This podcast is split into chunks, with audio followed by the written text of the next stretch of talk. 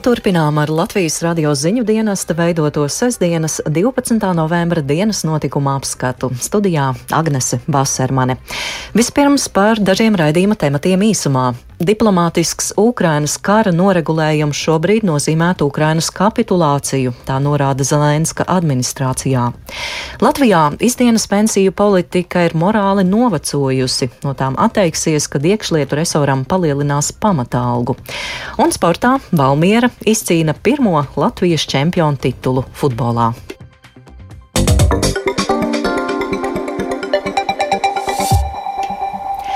Diplomātisks Ukrainas kara noregulējums pašlaik nozīmētu Ukrainas kapitulāciju. Šādu pārliecību ir paudis Ukrainas prezidenta administrācijas padomnieks Mihailo Podoļaks.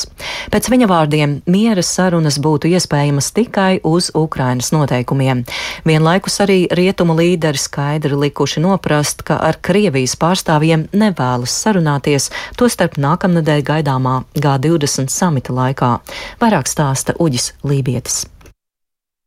Pēc tam, kad Krievijas uz laiku okupētā Helsonas pilsēta atkal ir nonākusi Ukraiņas bruņoto spēku kontrolē, pilsētā ir atjaunot ne tikai Ukraiņu televīzijas kanālu un radiostaciju apraide, bet pilsētā atgriezušies arī Ukraiņu policisti, kurus ar sajūsmu sagaidījuši vietējie iedzīvotāji. Helsonas atbrīvošana tiek svinēta gan pašā pilsētā, gan galvaspilsētā Kijevā, gan Odesā un citvietā. Kā norāda ASV Domnīcas kara izpētes institūts, Krievijas federācijas spēkiem vairs nav iespēja noturēt Helsonas apgabalu Dņepras labo krastu, taču šajā reģionā vēl joprojām atrodas Krievu karavīri, kuri varētu turpināt partizānu darbību. Arī Britu aizsardzības ministrs Bens Volis izteicies, ka februārī Helsonas ieņemšana bija vienīgais no Krievijas federācijas izvirzītiem mērķiem, kas tika sasniegts. Taču tagad, pēc pilsētas pamešanas, Krievijas iedzīvotājiem būtu sev jāatbild jautājumu, kāpēc tas viss bija vajadzīgs. Šajās dienās no rietumu puses nereiz vien ir izskanējuši aicinājumi Krievijai un Ukrainai tomēr sēsties pie sarunu galda. Vācijas kanclers Olofs Šolts gan izteicies, ka diplomātiski risinājumi šim karam nebūs. Arī Ukrainas prezidenta administrācijas padomnieks Mihailo Podoļaks intervijā televīzijas kanāla 1,1 ziņu maratonām paudas pārliecību, ka visi tie, kuri pašlaik aicina sarunāties ar Krieviju, neapzinās reālo situāciju uz vietas. Diplomātiskā regulējuma ir kapitulācija Ukraiņai тобто країни, яка виграє на полі бою. Diplomātiskais noregulējums nozīmētu Ukrainas kapitulāciju, kara laukā uzvarošās valsts kapitulāciju. Tas nozīmētu, ka mums būtu jāatzīst un jādod okupētās teritorijas, būtu jāaizmirst par kompensācijām, būtu jāaizmirst par tūkstošiem pilsoņu dzīvību, kas zaudēts tikai tāpēc, ka kāds nevisai vesels cilvēks izdomāja iebrukt jūsu valstī. Tas viss nozīmē tikai vienu. Šodien diplomātiskās sarunas ir iespējamas tikai pēc Ukrainas noteikumiem un tikai Ukrainas izvēlētā laikā. Nevar būt tā, ka bruņotie spēki veiksmīgi atbrīvo Helsonas apgabalu, bet kāds cits rosina, sāksim sarunāties ar Krieviju, lai tā varētu saglabāt kaut ko no sagrābtās teritorijas. Tas izskatās diezgan dīvaini un, manuprāt, neatbilst arī reālajai situācijai. Taču, protams, nedrīkst ieslīgt arī panākuma eiforijā, jo citos fronts apgabalos sadursmes joprojām ir ļoti smagas. Internetā pieejama video par Krievijas spēku darbībām, arī nostiprinot savas pozīcijas. Bet, kā ir brīdinājis Ukraiņas gaisa spēku vadības pārstāvis Jurijs Ignats, ir ļoti liela iespēja, ka Krievijas spēki varētu atkal veikt masveida raķešu triecienus pa Ukrainu tieši G20 valsts līderu tikšanās laikā. Pēc Ignata vārdiem, Krievijas vadībai ļoti patīk šādu nozīmīgu pasākumu laikā veikt provokācijas. Vienlaiks viņš atzīst, ka pašlaik Krievija uzkrāja spēkus, taču pat vienas raķetes izgatavošana vairs neaizņem vienu vai divas dienas. Turklāt līdz šim izmantotās raķetes Krievijas armija bija uzkrājusi gadiem. Pasaules 20 ekonomiski attīstītāko valstu līderu tikšanās sāksies jau nākamajā nedēļā Indonēzijā, un vēl ilgi pirms šī samita sākuma norisinājās daudz diskusiju par Krievijas līderu dalību tajā. Lai arī Krievijas prezidents Vladimirs Putins samitu klātienē neapmeklēs, Krievija jau tagad var justies kā izraidītā. Samita dalībnieki ir paziņojuši, ka šoreiz samita dalībnieku kopējās fotografēšanās nebūs, jo neviens nevēloties fotografēties kopā arī ar Krievijas ārlietu ministru Sergeju Lavrovu. Kā ziņo izdevums The Guardian, Eiropas Savienība un Lielbritānija gatavojoties boikotēt arī Krievijas delegācijas uzstāšanos, tādējādi darot visu iespējamo, lai izolētu agresoru valsti. Uģis Lībijams, Latvijas Radio.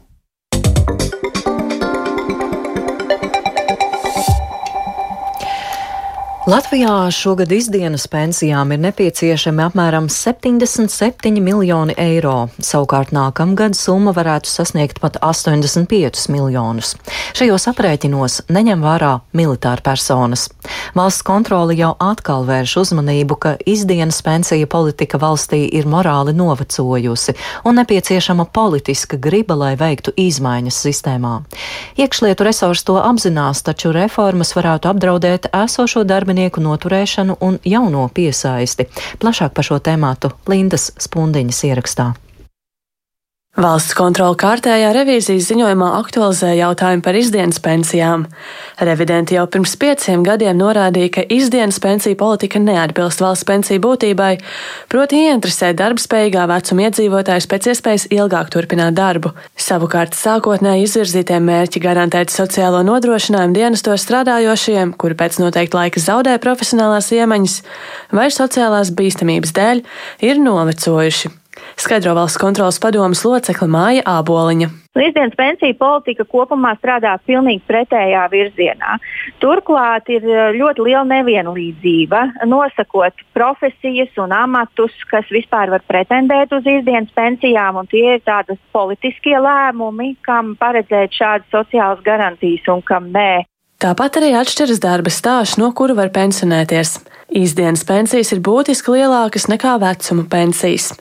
Valsts kontrole iesaka pāriet uz citiem instrumentiem. Izdienas pensijas būtiski jāsamazina, tās piešķirot tikai izņēmumu gadījumā, ja to var īpaši pamatot. Mēs jau iepriekš no valsts kontrolas puses esam vērsuši valdības uzmanību uz šiem jautājumiem, bet līdz šim, protams, nav bijis politiskais atbalsts sākt uh, jebkādas ilgspējīgas reformas valstī attiecībā uz izdienas pensijām.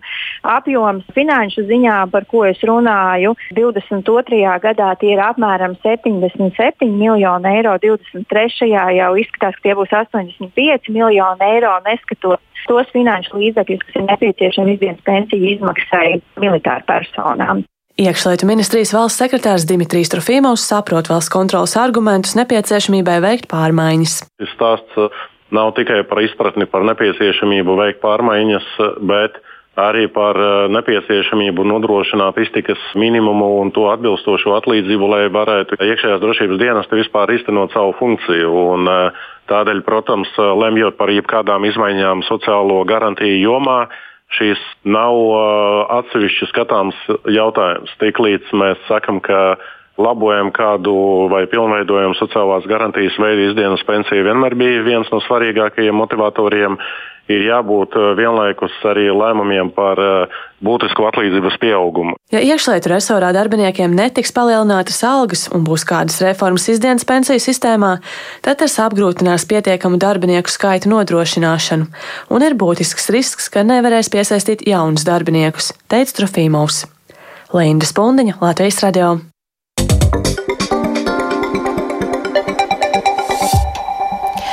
Par sportu. Valmieras futbola klubs šodien ar tā saucamo sauso uzvaru 2-0 pret Liepājas komandu nodrošināja pirmo Latvijas čempiona titulu komandas vēsturē. Sezonas noslēdzošajā mačā vārtus vidzemniekiem guva Raimons Krollis un Džibrils Gejs. Liepājā čempionu emocijas iemūžināja arī Lotārs Zariņš. Valmieru uz Liepāju atbrauc ne tikai ar futbola komandu, bet arī prāvu līdzjutēju pulku.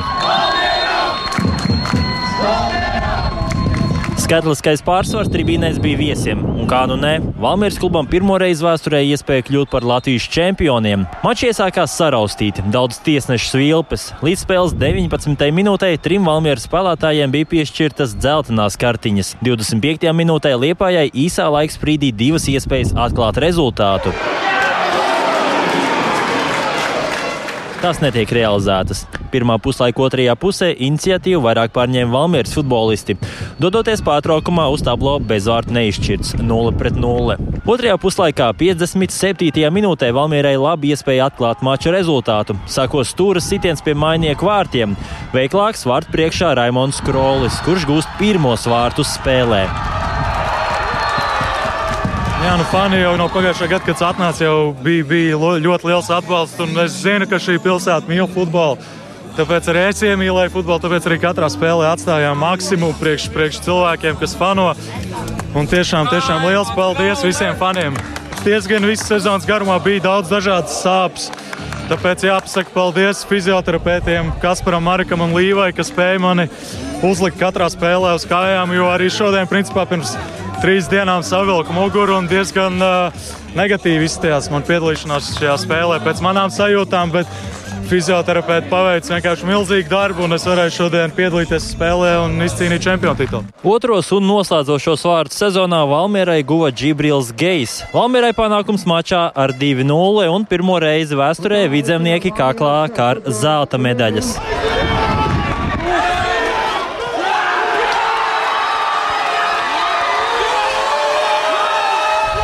Pēc izcīnītā zelta komentāru sniedza Rihards Matrevits. Bija, bija brīži, kad mēs sēdējām, skatījāmies viens otru, domājām, kas būs, jo, jo, jo bija grūti sākumā.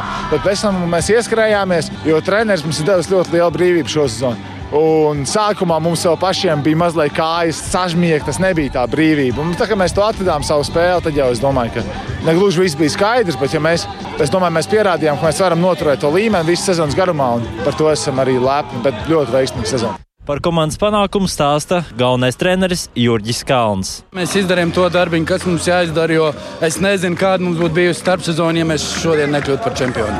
Esot visu sezonu priekšā, rādot uzskatu labāko futbolu, spēlējot ar jauniem čaļiem, visām top komandām, esam ļoti ciets rieks un ar visiem mums ir pozitīva bilants un būtu ļoti bēdīgi, ja mēs to nebūtu izdarījuši. Lotārs Zariņš, Latvijas Rādio. Un vēl sēru vēsts. 91 gada vecumā mūžībā ir devusies aktrise Velta Skurstene Lāce. Viņa bija daudzu populāru tēlu iedzīvinātāja teātrī un kino, atveidojusi Annas Brigaderes sprīdīti, Tolstoja, Buratīno, Ezelīti Ijāno, Vinnija Pūka un viņiem, viņa draugiem, bet popularitāti televīzijā ieguva uzstājoties ar Lelli Gustiņu. Velta Skurstene ar savdabīgo balss tembru un tāmisko dienu dialektu ir piedalījusies arī daudzos Latvijas radio raidījumos un radioteātrī, kā arī ieskaņojusi vairākas lomas animācijas filmās, piemēram, Sivēnu Sisi Dra. Pērn, kad Veltes Kurstene svinēja 91. jubileju, viņa uzsvēra, ka deguns vienmēr jātur gaisā. Un aktrisei atvadu vārdus teica arī teātra muzeja vadītājs Jānis Siliņš noslēdzies ir ļoti bagāts mūžs, un nu, manā prātā melnā māte viņas atveidotā Raiņa zelta zirgā 76. gadā šo pīro iestudējumā, ka tagad viņa ir nu, viņu paņēmusi, bet paņēmusi aktrisi, personība, kura varēja būt visāda, kura varēja spēlēt meitenes un puikas un dzīvniekus visdažādākos un tintas trauciņas, un sievietes, un dāmas, un mātes, un vecās mātes, nu tā tad ārkārtīgi plašā spektrā. Tāda, kura vienmēr bija enerģijas, prieka un optimisma pilna. Un tas ir ārkārtīgi pilnvērtīgs un ļoti skaists devums visai latviešu kultūrai.